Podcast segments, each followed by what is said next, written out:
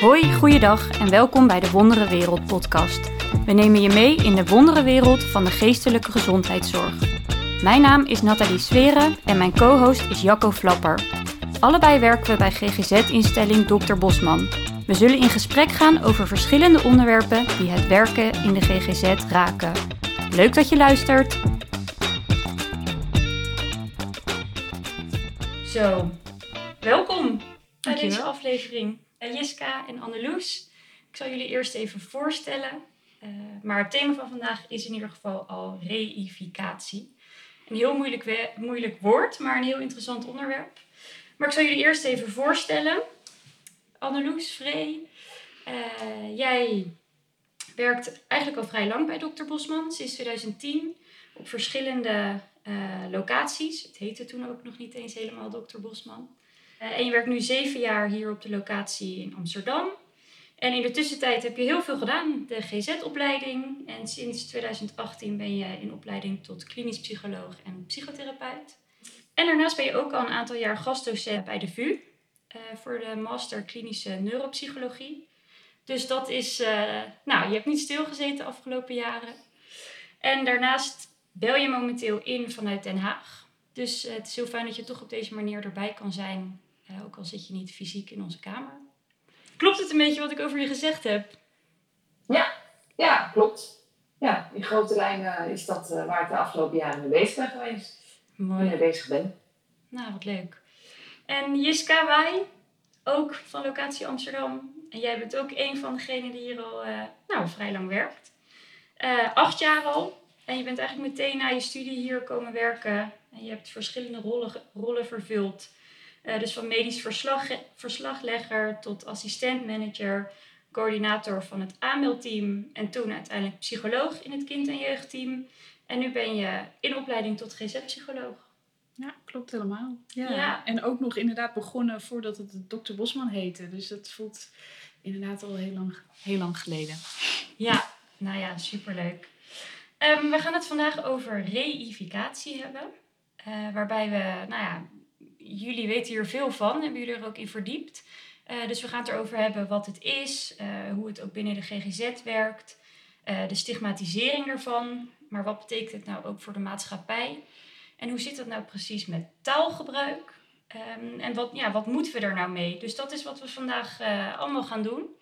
Dus, kan een van jullie mij vertellen wat het nou eigenlijk precies is? Ik kan wel een poging doen, want het is inderdaad nou, soms best nog wel ingewikkeld. Um, maar heel kort gezegd is reviseren eigenlijk het ja, verdingenlijking. En um, ik zat er even over na te denken en ik dacht wel, ja, hoe kan je dat goed uitleggen? Nou, misschien is een, een, een parallel die helpend is, is personificatie. Als je, uh, hè, mensen hebben het wel eens over personificatie van het kwaad. Dus dan, uh, nou ja, in dat geval vaak een, een boos persoon. En dan maak je er een persoon van. En verdingenlijking is eigenlijk, ja, het, het, het um, tot ja, het maken van een, ja, ik zeg dan al maar even zelfstandig naadwoord, van een ding. Dus iets wat eigenlijk niks is, ga je een ding noemen. Uh, nou ja, we komen zo nog wel even met een paar voorbeelden, hoe dat ook in de GGZ werkt. Um, maar ja, je, je, het wordt een concreet feit of een entiteit eigenlijk. Ik weet niet of het zo'n beetje duidelijk is of, ja. of Anneloes dat nog wat ja. aan te vullen heeft. Nou ja, nee, het is inderdaad wat je zegt. Van een abstract begrip of concept hè, maak je eigenlijk een, een eenheid of een op, zelf, op zichzelf staand iets. Um, dat is eigenlijk het reïnficeren van iets. En hebben jullie daar dan meteen voorbeelden van? Want ik kan me voorstellen dat dit nog vrij abstract klinkt. Ja, nou ja, ik denk zeker um, op onze poli in Amsterdam, waar we ook wel gespecialiseerd zijn in, um, nou ja, daar begin ik eigenlijk al, in ADHD en autisme. Nou, dan, dan, maak je, dan heb je het dus eigenlijk al over twee dingen. Um, dat zijn toch wel twee termen binnen de GGZ waar, ja, waar, waar heel snel mee gereviseerd wordt, als je dat zo mag zeggen. nou ja, een voorbeeld is van ik, ik heb ADHD, alleen al dat zinnetje is al reificatie. Ja, want hoe zou, je, hoe, hoe zou het dan beter gezegd kunnen worden? Ja, dat vind ik een goeie. En dan, dan wordt het meteen al een veel langere zin. Van ja, ik, ik heb... Um, ja, ik heb veel uh, kennis. Ik heb bepaald gedrag, hè. Ik laat bepaalde dingen zien. En, en dat cluster van dat gedrag, al dat gedrag bij elkaar genomen, dat noemen we ADHD. Hè? En, eh, maar wij gebruiken het meer als een, uh, ook eigenlijk als een beschrijving van de oorzaak. Hè, daar, dus ik heb ADHD, dan doe je eigenlijk, pretendeer je dat je ook iets weet van de oorzaak van dat concept. Maar dat is niet zo. Het is eigenlijk gewoon een, een, een woord voor een cluster van symptomen van gedrag. Dus, dus we hebben met elkaar afgesproken van oké, je hebt bepaalde kenmerken, zoals uh, snel afgeleid zijn of uh, bepaalde routinematige taken die er moeilijk insluiten omdat je snel afgeleid bent of uh, lichamelijke onrust. En omdat we dus gezegd hebben, dat zijn allemaal kenmerken en al die kenmerken bij elkaar, dat noemen we ADHD. Um, daardoor kan je dus niet zeggen, ik ben druk, want ik heb ADHD. Precies. Klopt dat een beetje op die manier? Ja, ja. precies, precies Wat, uh, wat het is inderdaad. Het wordt omgedraaid. En er wordt een verklaring, als verklaring gebruikt. Hè? Terwijl eigenlijk ADD is een woord, het is een begrip. En uh, bestaan woorden? Nou, eigenlijk niet. Hè? Het zijn gedragingen die daaronder vallen. Ja. Die zichtbaar zijn en niet zozeer het woord zelf. Ja, ja. Het is eigenlijk hetzelfde. En, en nou, dat heb ik niet van mezelf, maar dat heb ik weer uit een andere podcast. Uh, hoe verandert de GGZ? Maar het is hetzelfde als je zou zeggen, ja, um, het is warm, want het is een hittegolf. Ja, de hittegolf verklaart niet de warmte. Dat is eerder de opwarming van de aarde of klimaatverandering, et cetera. Uh, dus dat vind ik altijd wel weer een mooie parallel om een beetje te snappen van wat zeggen we nou eigenlijk en, en waarom klopt het dus niet. Ja, want het is warm en we hebben met elkaar afgesproken als het boven de zoveel graden is, noemen we dat een hittegolf. Ja, maar zoveel dagen. Maar het is niet de verklaring voor waarom het zo warm is. Nee, en dat is eigenlijk wel wat er heel veel ook in de GGZ gebeurt. Ja, Ik ben druk, want ik ben druk. Ja. Ja, ja dat, is wat je dan eigenlijk zegt. Het is uh, simpel, maar eigenlijk uh, is dat wel wat je zegt. Ja. Ik ben druk, want ik heb ADHD. Maar het is ook best ingewikkeld, want het is zo ver doorgevoerd. Want ik, ik krijg hier zoveel kinderen die zeggen: Ik ben autistisch, of ik, ik ben een ADHD'er. Of soms heb je families waar meerdere, uh, nou, meerdere gezinsleden dan de klassificatie ADHD hebben. En dan wordt er ook gezegd: Wij zijn een ADHD-gezin. En het wordt ook een soort van, ja, dus wat jij in het begin zei, Jiska, het wordt gepersonificeerd. Mm Ja, en, en ik denk ook wel dat een groot stuk daarvan niet zozeer misschien in het concept zit, maar meer gewoon in taalgebruik aan zich. En uh, ja, het is ook snel gezegd, zeg maar. Hè? Ik, ik, merk dat ook bij mezelf. Ik, ik, probeer hiermee bezig te zijn. Ik probeer hier naar cliënten toe ook eh, helder over te communiceren. Maar toch zijn die valkuilen. Dus trap je zo, nou, trap je zo in. Het klinkt zo negatief, maar het, het gebeurt je sneller dan dat je zou willen eigenlijk. Het is ook misschien een beetje bij ons ook ingesleten en bij iedereen. Zeker wel, ja. ja. Want is dit iets wat een beetje de laatste tijd gaande is? Of is dat iets wat al langer, nou ja, een soort omslag wat, wat bezig is? Nou, ik denk dat het wel al een tijd zo is. En dat bewijst nog weer waarom het zo moeilijk is om het uh, te veranderen. we zijn er eigenlijk al best wel lang bewust van. En um, volgens mij was het Sanne de Meerman die uh, uiteindelijk te reviseren ook uh, wat meer op de kaart heeft gezet die is daarop gepromoveerd en die heeft daar nou ja, dus onderzoek naar gedaan. Dat het, dus dan, daardoor is het ook wat in de GGZ gaan leven. Maar ik denk dat het al langer speelt. Maar het is zo lastig omdat het uh, aan de ene kant levert het ook iets op voor mensen. Hè? Om het juist te personificeren, om het uh, ja, een onderdeel van identiteit te maken. Omdat je dan eigenlijk wordt ja, je hebt een, soort excuus, dat is dan weer negatief, maar je hebt eigenlijk een soort verklaring, denk je dan, van waarom je zo doet. Ehm, maar dan ben je dus aan het reviseren, maar ehm, dat is dus wat mensen wel helpt, maar dat draagt dus wel weer bij uh, in het hardnekkige patroon. Het in stand houden van, ehm, en het eigenlijk erger maken van AD, ADD als, als entiteit. Ja. ja. Ja, de consequenties worden ook eigenlijk wat groter als je het dus reviseert. Hè? Als je het tot een ding maakt, dan, dan hangen er ook grotere ja, gevolgen of consequenties. Of ook voor cliënten misschien wel uh, stigma's aan.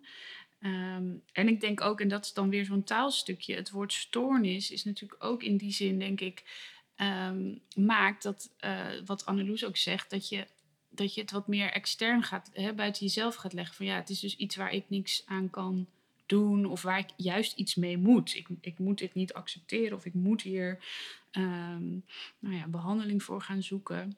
Ja, Ehm, ja dus het, het zijn denk ik twee stukken die dan heel erg meedoen. Het, het taalstuk, maar ook het, ja, het personificeren en het reificeren daarvan. ja. Terwijl dat begint eigenlijk al met de klassificatie, dus een autisme spectrum stoornis. Dan vertel je dus eigenlijk dat iemand een stoornis heeft.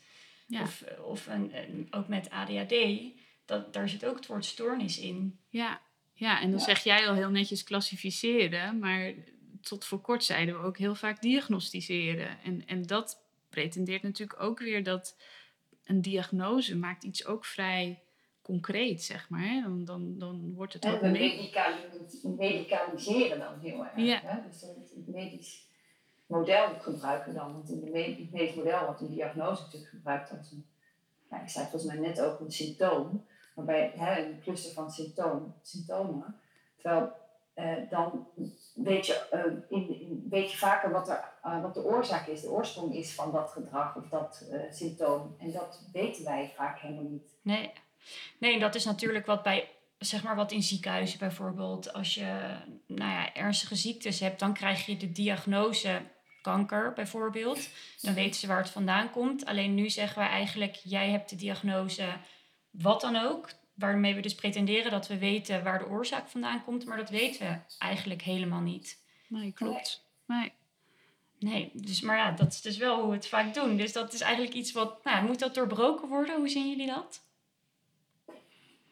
Ja, ik, ik vind, ik, ja, daarom zou ik ook, doe ik ook mee aan deze podcast, omdat ik het heel belangrijk vind om, om eigenlijk, ehm, want daarmee, is, doordat we dat ADHD tot een ding maken, zeggen we ook dat dat is dus een, een je hebt een probleem, hè?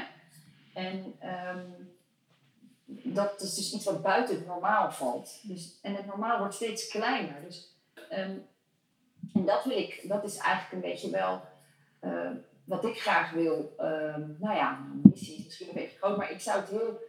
Ik vind het heel belangrijk dat, dat, eh, dat we veel meer gaan kijken naar het individu in de context. Eh, van waarom doen, kinderen bepaalde. Hè, wij zijn natuurlijk kind- en jeugdpsychologen, dus wij kijken heel erg naar kinderen in hun omgeving. En dan heb je het vaak ook over de gezinnen. Ehm, dus je kijkt van ja, dit gedrag wordt nu even op dit moment eh, to- vertoont een kind of een gezin dit gedrag. Maar dat betekent niet meteen dat er een enorm eh, probleem in het kind zelf zit. Hè? Het is vaak een reactie op de omgeving of op de situatie waarin het zich begeeft. Dus veel meer breder trekken en niet zozeer tot, een, tot het kind reduceren. Van het kind is, is, eh, heeft ADHD, dus vandaar dat, eh, dat, dat, dat er deze problemen zich nu voordoen op school en, en, en thuis. Ja, dus dat is ook wel een mooi bruggetje naar, naar hoe dat dan in de maatschappij of in de samenleving anders zou moeten of kunnen. Dus dat is ook echt een hele andere manier van kijken, zeg je eigenlijk. Ja, ik denk, ja, en ik denk ook Ja. een stukje inderdaad normaliseren van, van gedrag. Dat, dat, ehm, en dat is denk ik een heel maatschappelijk stuk. En daar zie je ook denk ik een beetje vernauwing de laatste jaren. Dat, dat steeds meer gedrag als niet normaal wordt gezien. Of niet functioneel binnen een bepaalde omgeving, zoals Anneloes ook noemt.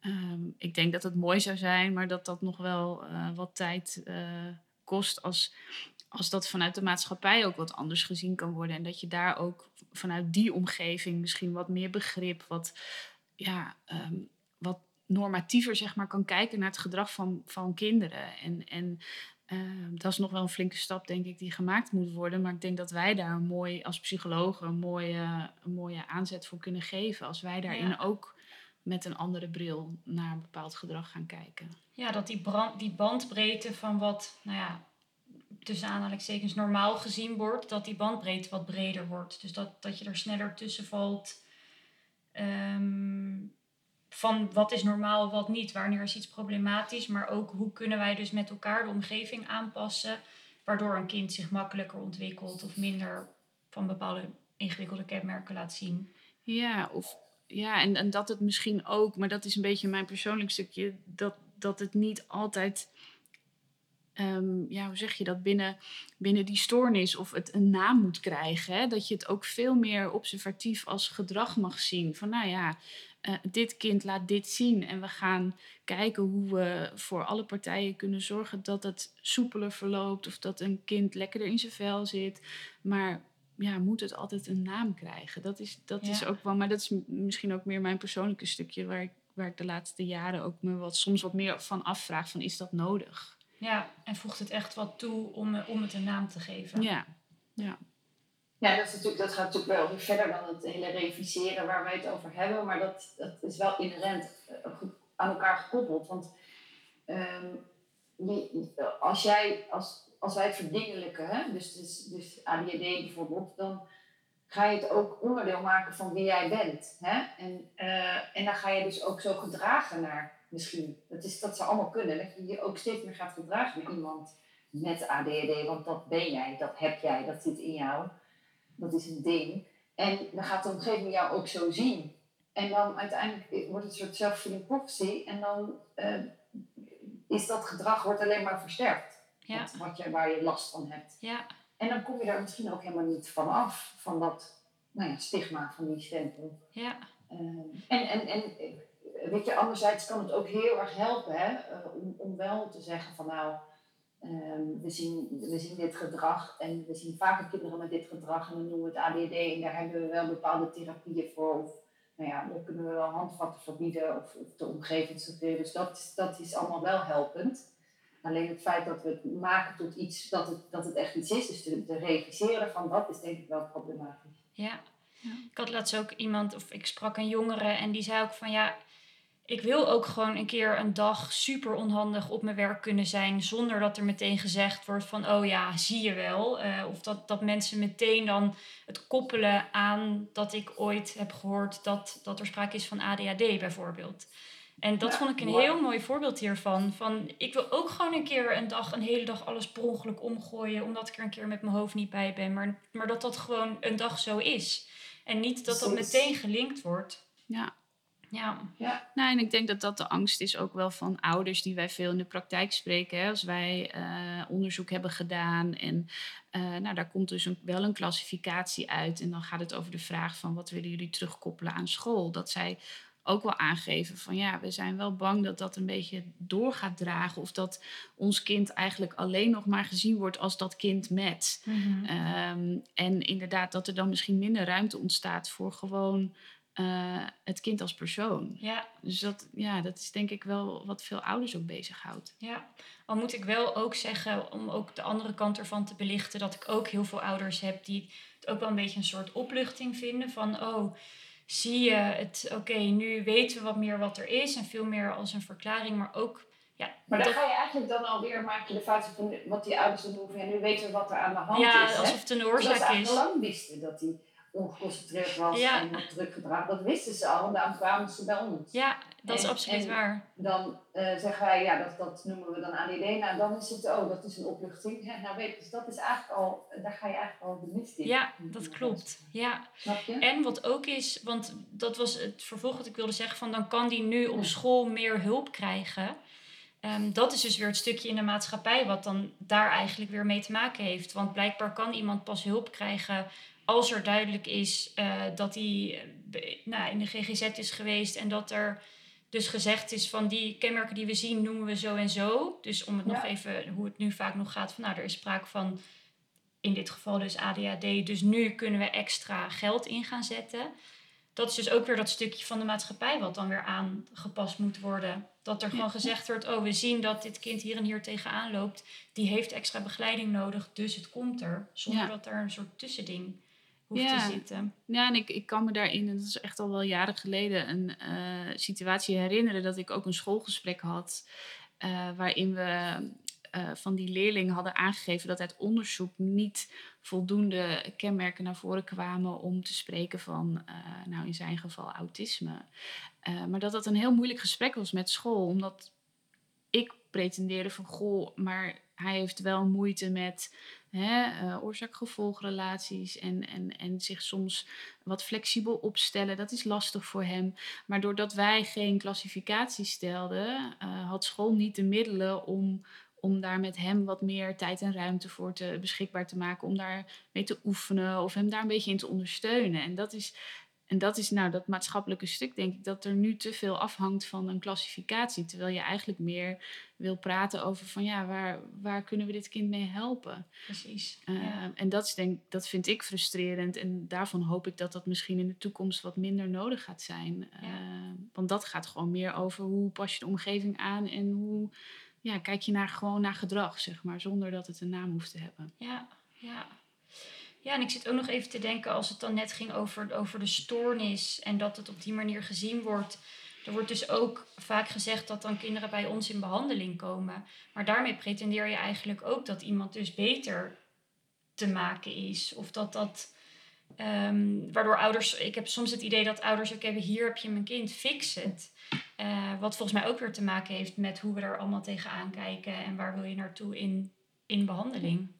Ja, ik denk dat het daarbij ook echt begint met van nou, hoe kunnen wij nou snappen uh, waar dit gedrag, uh, waar, waarom dit gedrag zich nu voordoet in de context waarin het kind leeft. Hè? Dus in, in het gezin waarin die opgroeit, in die klas, met die grootouders, met die vriendjes.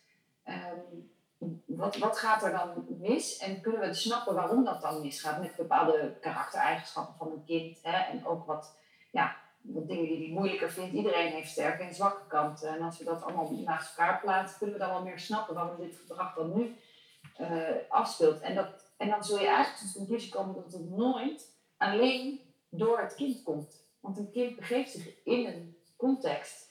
Uh, en die context is blijkbaar niet goed afgestemd op het kind, waardoor dus niet zijn ontwikkelingspotentiaal naar buiten komt. En daarom is het zo belangrijk om niet alleen het kind in behandeling te nemen of, of, of, te helpen, maar ook de ouders en als het even kan, het hele gezin en de school, uh, omdat uh, zich daar de problemen voordoen.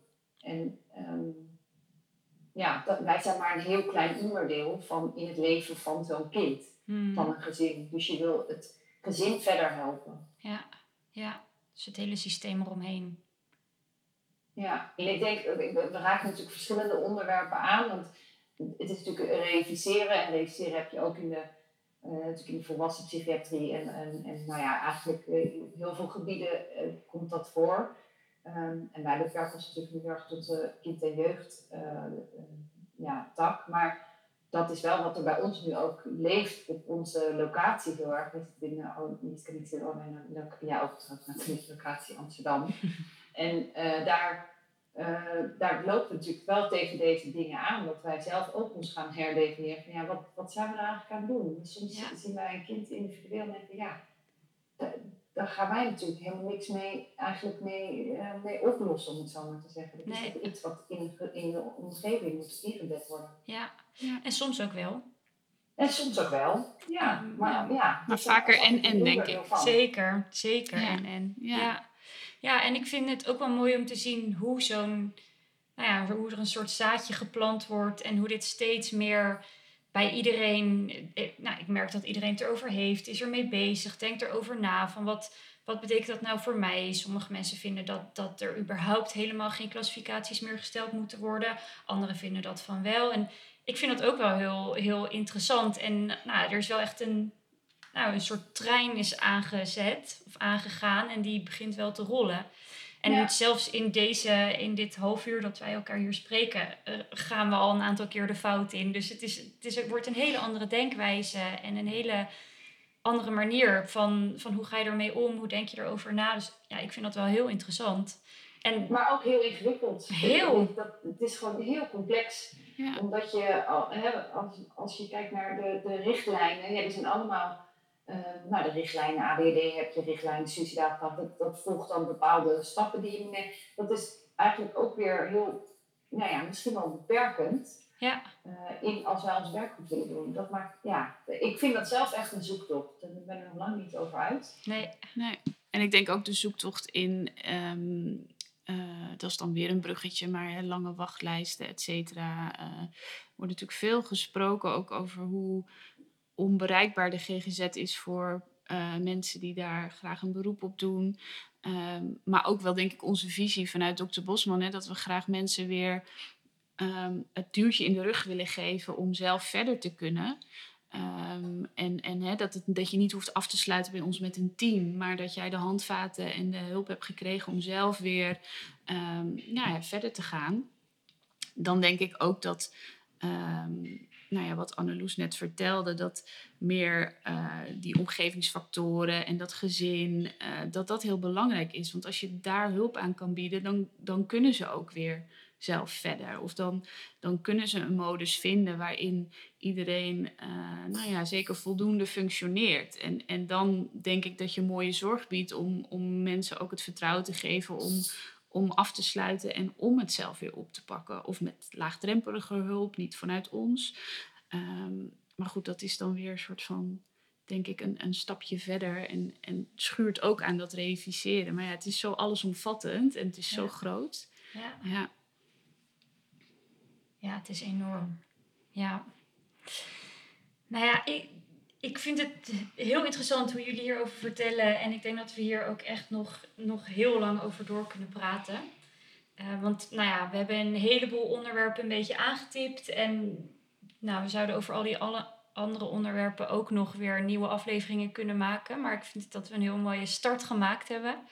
Zijn er nog onderdelen die jullie hierover nog willen toevoegen of nog willen vertellen? Um, maar ja, ik denk wel dat de, de, de acceptatie van de menselijke diversiteit, hè, uh, als je kijkt naar de maatschappij, de samenleving, dat dat is, is waar, waar wij in onze taal al wat aan kunnen bijdragen. Ik denk dat je heel erg snel, als je dus in stoornissen praat of in diagnoses, dan, uh, dan zeg je eigenlijk dat het bepaald gedrag ja, eigenlijk helemaal niet ja, dat, dat, dat het verstoord, gestoord is, dat, dat dat niet normaal is. Terwijl we allemaal zo verschillend zijn op alle vlakken, dus ook in ons gedrag. En dat we ons dus niet daar moeten richten dat het zo gestoord is, maar meer van ja, oké, je loopt nu vast in je leven. Hoe kunnen wij dat met elkaar, of het liefst jij met je omgeving, weer vlot trekken, zodat je weer verder kan. En dat is denk ik tot slot nog even dat de positieve gezondheid, waar dokter Bosman nu ook uh, natuurlijk uh, heel erg een visie heeft van positieve gezondheid, dat kan daar heel erg in bijdragen. Dus niet zozeer de afwezigheid van bepaalde ziektes of, of mentale problemen is, maakt dat je gezond bent, maar meer van hoe kan jij met al die, um, ja, met al die bagage die je hebt, toch een, een, een, een goed leven leiden, zeg maar. Ja, ja. mooi. Mooie take-home message. Zeker. Ja, niks aan toe te voegen eigenlijk. Nee, leuk. Nou, dan wil ik jullie enorm bedanken. En, uh, Dankjewel Nathalie dat wij bij jou mochten aansluiten. Ja, absoluut. Nou, en de balletjes gaan rollen. En uh, dat wordt volgens mij nog een enorme sneeuwbal. Ja. Dus uh, we gaan het volgen. Dat ook. Oké, okay, dankjewel. Doei. Dit was de Wondere Wereld podcast. Een podcast mede mogelijk gemaakt door Dr. Bosman. Muziek wordt gedaan door Noodweer Music. Bedankt voor het luisteren.